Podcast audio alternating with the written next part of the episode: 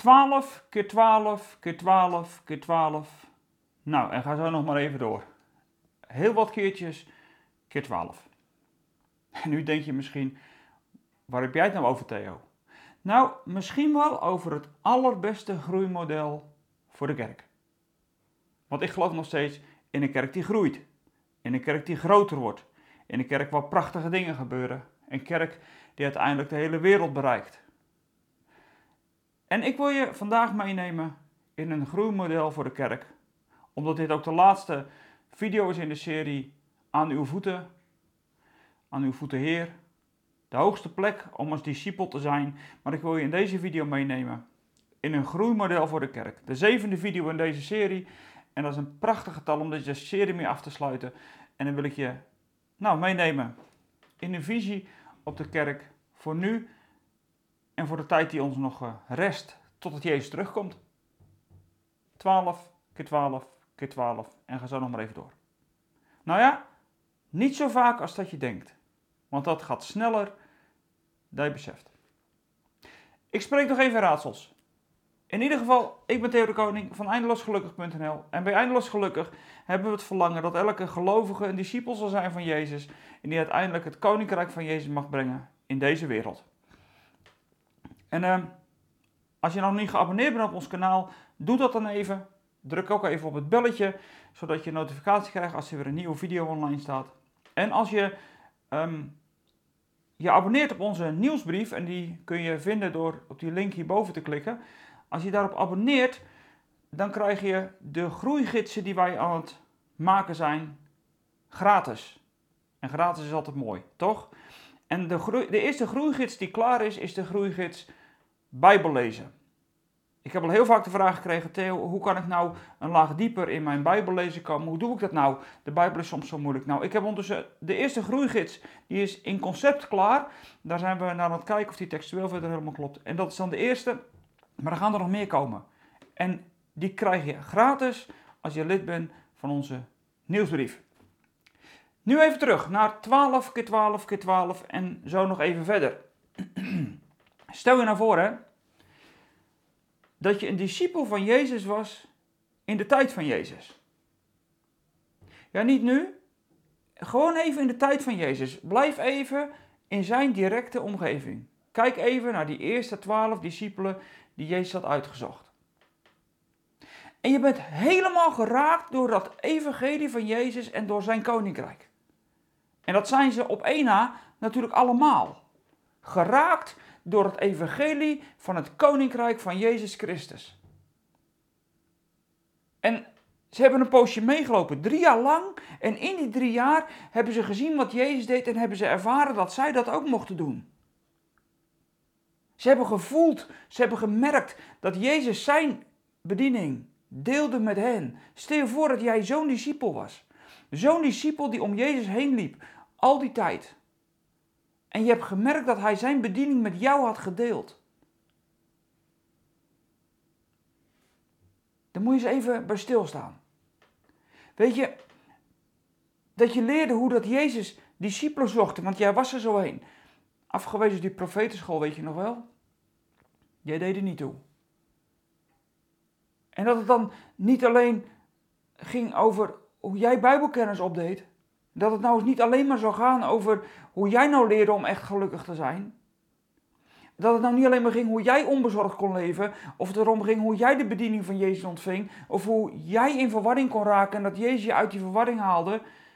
Die zes thema's over discipelschap waar ik de afgelopen tijd met je over heb gehad, dat dat nou niet alleen maar over jou ging, hoe jij dat kon krijgen, maar dat Jezus uiteindelijk die discipelen daar toen de wereld instuurde om dat ook weer verder te brengen. Want weet je waar het evangelie van Jezus op uitloopt? dat heb ik al eens eerder verteld natuurlijk. Dat dat uitloopt op die berg waar de bergreden begon. Waar Jezus met die grondwetten van het koninkrijk begon. Daar heb ik ooit al een keer wat over gezegd. Maar ik wil een ander licht daar nog op laten vallen. Wat voor jou misschien een trigger mag zijn. Een trigger als groeimodel voor de kerk. Jezus namelijk heeft aan het eind van zijn leven, vlak voor zijn hemelvaart, zijn discipelen teruggebracht op die berg waar het allemaal begon. En wat zegt Jezus dan tegen zijn discipelen? Dan zegt hij: Maak alle volken tot mijn discipelen. Ik lees een stukje met je uit Matthäus 28, die laatste vier versen. Dat zijn overbekende versen, ik weet het. En ik lees hem uit MBV 21. Daar vind ik in dit geval wel iets van. Dat ga ik je zo wel uitleggen. Maar ik lees het eerst even met je vanaf vers 16. De elf leerlingen gingen naar Galilea, naar de berg die Jezus hen had genoemd. Of de berg waar hij hen dus ontbood had, of waar hij een onderricht had gegeven. Die heb ik al een keer eerder genoemd. En toen ze hem zagen, wierpen ze zich in aanbidding voor hem neer. Al twijfelden sommigen. En Jezus kwam dichterbij en zei tegen hen: Mij is gegeven alle macht in hemel en op aarde. Ga dus op weg, maak alle volken tot mijn leerlingen, door hen te dopen in de naam van de Vader, de Zoon en de Heilige Geest. En hen te leren dat ze zich moeten houden aan alles wat ik jullie opgedragen heb. En houd dit voor ogen: ik ben met jullie alle dagen tot aan de voltooiing van deze wereld. Ik heb hier de afgelopen tijd, zoals je weet, ook over gepreekt. Over die hele serie discipelschap. Ik heb er verschillende thema's uitgehaald, iedere keer wat anders. En een van de dingen die ik ontdekte, en dan wordt er natuurlijk altijd een beetje gelachen als je dat zegt. Ik, ik werd een beetje getriggerd door dat woordje leerlingen. Wat de MBV gebruikt. Ik ben niet zo blij met die vertaalkeuze. En ik zal je uitleggen waarom. Als de MBV het heeft over leerlingen, dan denk ik terug aan mijn schooltijd. En als ik ergens spreek, dan zeg ik dat ook gewoon tegen de mensen. Hoe, wie heeft, hoe hoe was je schooltijd? Of wie zegt er van, nou, mijn schooltijd, dat was zo fantastisch, was zo leuk, prachtig, geweldig. Nou, het gros uh, schudt nee. Want leerling zijn betekent dat je soms ook dingen moet leren waarvan je denkt, ja, waarom leer ik het eigenlijk? Ik leer het om mijn repetitie, om mijn toets te halen, mijn tentamen te halen of mijn examen, of hoe je het ook wil doen. Maar, en dan vergeet ik het maar weer zo snel mogelijk. En ik moet heel eerlijk zeggen, als ik naar mijn theologische opleiding kijk, heb ik ook daar dingen geleerd die ik ook weer snel vergeten ben. Deels omdat ze misschien niet zo belangrijk waren, deels omdat ik dacht van ja, ik weet niet wat ik hier nou mee moet hoor. Maar goed, het moest maar. Dat is een leerling. En een discipel, dat is anders. Een discipel is namelijk iemand die alles van zijn meester wil leren om het allemaal na te kunnen doen.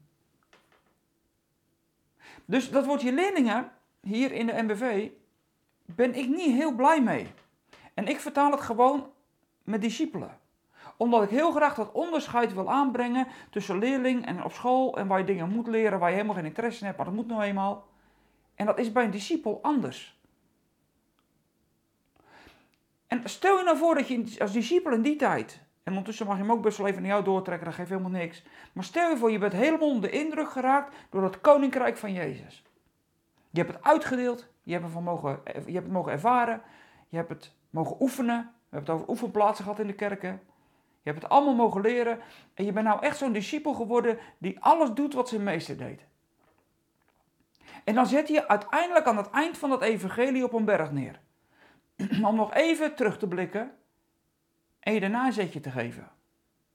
En dan blik je terug op die periode, je staat op die berg, je kijkt misschien wel letterlijk even terug en dan zegt Jezus, maak alle volken tot mijn discipelen. Met andere woorden, Jezus heeft hen al die dingen niet laten doen, zodat zij mochten ervaren hoe heerlijk dat dat koninkrijk was. Ja, natuurlijk ook wel. Maar Jezus heeft hen dat niet laten ervaren, zodat zij daar tenminste een fijn gevoel bij hadden. Dat is de kerk in onze tijd een beetje geworden. Als ik er nou maar een goed gevoel bij heb. Als het nou maar past bij wat ik mooi vind en wat ik fijn vind. Maar dat doet Jezus niet om die reden. Je mag het wel fijn vinden, de kerk, graag zelfs. Maar dat is geen doel op zichzelf. Jezus zegt namelijk: alles wat ik jullie heb geleerd, alles wat ik jullie heb gegeven, elke macht en elke kracht, elke autoriteit, elke gave, ik heb het je hiervoor gegeven om de opdracht te doen die ik je geef. Maak alle volken tot mijn discipelen. Alle volken. Weet je, deze wereld is groot. Maar Jezus leert jou om te vermenigvuldigen. Jezus leert jou niet alleen zijn bediening over te nemen, maar Jezus leert jou om te vermenigvuldigen. Dat is waar het Jezus over gaat. Hij wil niet dat hij een stel discipelen heeft die vervolgens gelovigen werft. Ik weet niet of je mijn quote nog kent aan het begin van deze serie. Een kerk die gelovigen maakt verdwijnt en een kerk die discipelen maakt groeit. Jezus was niet bezig om discipelen te maken die dan gelovigen konden maken. Want het gevolg daarvan zou zijn dat na één generatie gelovigen dat niet meer verder zou doorgegeven worden. Jezus maakte discipelen zodat ook zij weer discipelen zouden maken. Dat is wat hij zegt, hè? Maak alle volken tot mijn discipelen. Als je nou heel, het hele thema discipelschap uiteindelijk wil, wil samenvatten waar het op uitloopt, is dit het antwoord. Dat die discipelen ook weer anderen tot discipel gaan maken. Zodat heel deze wereld uiteindelijk discipel zal zijn van Jezus. En nu weet ik niet hoeveel mensen er tegenwoordig op deze aarde wonen. Volgens mij, ik zeg dat in mijn hoofd, misschien zit ik wel naast. Volgens mij 7 miljard. Hoe doe je dat nou? Wat is nou het groeimodel voor de kerk? Weet je, als wij bezig zijn om zieltjes te winnen, om gelovigen te werven, om mensen te laten geloven dat Jezus voor hun zonde is gestorven en dan een punt zetten, dan worden die 7 miljard mensen op deze wereld nooit bereikt. En misschien is het heel hard wat ik zeg. En misschien ben ik veel te zwart-wit. Maar ik hoop dat ik door het zwart-witte heen je nu trigger. Wat deed Jezus ook alweer? Jezus begon aan het begin van zijn bediening in zijn eentje.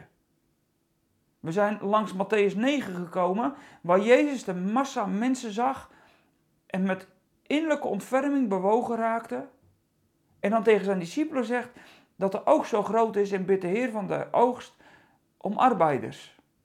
En die discipelen baden dat en ze hadden amen gezegd. En vervolgens zegt Jezus, jullie mogen gaan. De wereld in, met mijn koninkrijk. Jezus in zijn eentje besefte, dit gaat niet werken. Jezus haalt er dus twaalf bij die zijn bediening mogen voortzetten. Daar hebben we naar gekeken. En toen hebben we natuurlijk allemaal ja gezegd, prachtig en wat mooi. En toen heb ik het gehad met je over dat leiders in de kerk hun bediening moeten, moeten durven delen. Dat is een hele spanning in de kerk hoor. Maar niet alleen leiders moeten hun bediening delen. Uiteindelijk is dit eigenlijk het woord voor elke discipel. Niet alleen voor een kerkelijk geestelijk leider, maar dit is het woord voor elke discipel. Want elk van de discipelen hier, die later dan apostelen worden, die moeten vervolgens de, de volgende generatie discipelen maken. Je zou dus kunnen zeggen, ze begonnen als een beetje twijfelachtige, gelovig, ongelovig persoon, had Jezus eruit, ze mogen poosje discipelen. Ze worden discipel van Jezus na drie jaar. En uiteindelijk worden ze apostel. En wat moeten die apostelen nou gaan doen in die wereld? Dan moeten ze heel deze wereld ook weer tot discipelen maken. Dus als je nou eenmaal dat discipelschap hebt doorlopen en als een discipel van Jezus zijn bediening op aarde vorm geeft, dan word je daarna als het ware een apostel. Maar wat moet je nou doen als je tot een volwassen gelovige geworden bent die die bediening van Jezus is gaan dragen zoals het bedoeld is? Dan zegt Jezus dus tegen jou, ook jij moet discipelen gaan maken. En ik wil dat je daar gewoon even over nadenkt. Want hoeveel mensen mogen er met jou meelopen om van jou te leren wat jij hebt mogen leren? Weet je, ik sluit hiermee natuurlijk deze serie discipelschap af. Aan uw voeten, Heer. Een hele leuke serie, allemaal mooi. We kunnen er allemaal aan oproepen en halleluja. Maar als we het alleen maar voor onszelf houden en genieten van dat koninkrijk en hoe dat we mogen groeien, dan slaan we de plank toch nog mis. Want Jezus wil dat we alle volken tot zijn discipelen maken. En natuurlijk wist Jezus wel dat die elf die daar nog overgebleven waren, eentje afgevallen, die wordt straks opgevuld. Natuurlijk weet Jezus wel dat die elf die daar staan dat nooit in hun eentje kunnen. Net zo min als dat Jezus het in zijn eentje kon. Dat was ook de bedoeling niet. Maar elke discipel moest weer nieuwe discipelen maken. Ik begon met deze video met een beetje een raadselachtig begin. 12 keer 12 keer 12 keer 12 en ga zo nog maar even door. Ik dacht, toen ik nadacht over die woorden van Jezus, maak alle volken tot mijn discipelen, dacht ik, laat ik voor de gein eens even 12 keer 12 keer 12 en dat 10 keer doen. Dus 12 tot de macht 10. Toen kwam ik uit op 61 miljard. Ik weet niet of je het beseft. Maar dat zijn zeven werelden bijna. Als je er eentje minder doet, 9, dan kom je bijna uit op 6 miljard. 5,9 miljard geloof ik. Even uit mijn hoofd. 12 discipelen. Die maken weer 12 discipelen, allemaal stuk voor stuk. Die, die 144 maken ook allemaal weer 12 discipelen. En zo ga je door. Dan heb je maar 9 generaties discipelen nodig. Het hoeven nog niet eens generaties natuurlijk te zijn. Dan heb je maar negen lagen van discipelen nodig en heb je de hele wereld tot discipel van Jezus gemaakt. Nee, dit is niet goochelen met cijfers wat ik doe. Bepaald niet. Ik werk alleen even heel praktisch de opdracht van Jezus uit. Ik neem je gewoon even mee in een hele simpele rekensom. En wat zijn nou twaalf discipelen? Wat zijn nou twaalf mensen die in jouw leven mee mogen lopen om het geloof en het koninkrijk en het discipelschap wat jij hebt mogen leren? Wat zijn er nou twaalf die jij dat ook weer mag, doen, mag leren? En dat hoeft niet eens één voor één. Je mag er ook in één keer twaalf doen. Mensen die uiteindelijk ook weer het leert, het overdraagt, het laat doen. En zo met elkaar dat we die opdracht van Jezus om heel deze wereld tot discipelen te maken, zullen vervullen. En nogmaals, ik ben niet aan het goochelen met getallen. Ik maak het op het allermakkelijkste niveau duidelijk dat deze wereld tot discipel maken niet zo ingewikkeld is als dat het lijkt. Als Jezus in zijn eentje in drie jaar tijd twaalf discipelen kon vormen, die uiteindelijk dan de wereld weer intrekken. En dan moet je het boek Handelingen maar gaan lezen. Ik daag je uit. Ga het maar lezen. Wat gebeurt er in het boek Handelingen? Op elke plaats waar ze komen, dan maken die apostelen nieuwe gemeenten. Blijven ze dat twintig jaar? Nee, niet. Ze trekken gewoon weer verder. Ze laten de gemeente achter, stellen oudste aan en ze gaan weer verder. En zo komen we in Handelingen 28. Handelingen 28. Het einde van dat boek Handelingen, of niet? Nee, er is nog een hoofdstuk. Handelingen 29. Zoek maar op in je Bijbel. En Handelingen 29, weet je wat daar staat? Ik ken hem natuurlijk niet aan mijn hoofd, dus ik moet even meelezen. En terwijl de jaren voortgingen, waren er discipelen van Jezus die telkens verder gingen als er weer een generatie stierf. En zelfs in Nederland kwam het evangelie van het koninkrijk binnen. En degene die geloofde liet zich dopen en er werden ook, en er werden ook weer een nieuwe generatie van discipelen gevormd. En nadat zij voldoende hadden geleerd, werden zij apostelen, die weer nieuwe discipelen meenamen om van dichtbij te leren hoe zij het koninkrijk weer mochten brengen. Nee, natuurlijk. Ik mag niks toevoegen aan de Bijbel. Dat doe ik ook niet. Ik maak alleen even duidelijk wat de bedoeling is na Handelingen 28. Dan volgt Handelingen 29 en dat ben jij. En dat ben ik. Dat zijn wij. Wij gaan verder waar de apostelen stopten omdat hun werk ten einde kwam. Ze stierven, werden te dood gebracht. Het stopte. Maar het koninkrijk stopt niet. En als we nou allemaal 12 keer 12 keer 12 keer 12 keer 12 keer 12. Als elke discipel er nou 12 neemt om tot discipel te vormen. Dan hebben we in een mum van tijd deze wereld bereikt. Met het evangelie van het koninkrijk van Jezus Christus. En je mag voor mij nu best zeggen, ja Theo, maar je weet toch dat dat niet lukt. Weet je, misschien heb ik wel een groot geloof. Misschien, inderdaad, is het een utopie. En ik weet ook wel dat het soms erg moeilijk is. En dat de kerk niet vanzelfsprekend zal groeien. Maar als wij zeggen dat de kracht van God in deze wereld zichtbaar moet worden, dan zijn wij ook verantwoordelijk om die kracht door te geven en te brengen. En dan hoop ik dat ik nu genoeg gezegd heb voor deze video, voor deze serie. En dat het discipelschap wat ik je heb mogen leren, dat je dat nu gaat uitdragen en de komende tijd mensen mee gaat nemen die jij het mag overdragen. Zodat we uiteindelijk deze wereld bereiken met het evangelie van het koninkrijk. Dankjewel dat je gekeken hebt. Goed dat je erbij was. Ik hoop dat je getriggerd heb Fijn dat je meedoet en ik hoop echt dat je het door gaat geven. Ga het ook doen. Geef deze boodschap door. Geef deze video's ook door. Leer anderen wat discipelschap is. Gebruik rustig deze video's ervoor. We hebben de serie niet voor niks gemaakt. Gebruik ze. En als je ons financieel wil steunen, zodat we hiermee door mogen gaan, dan vinden we dat heel fijn. En de mensen die dat al doen, dat vinden we heel fijn. Daar zijn we heel dankbaar voor. Op deze manier helpen jullie ons om door te gaan waar we mee bezig zijn. Ik zou zeggen, voor nu genoeg. Genoeg om over na te denken.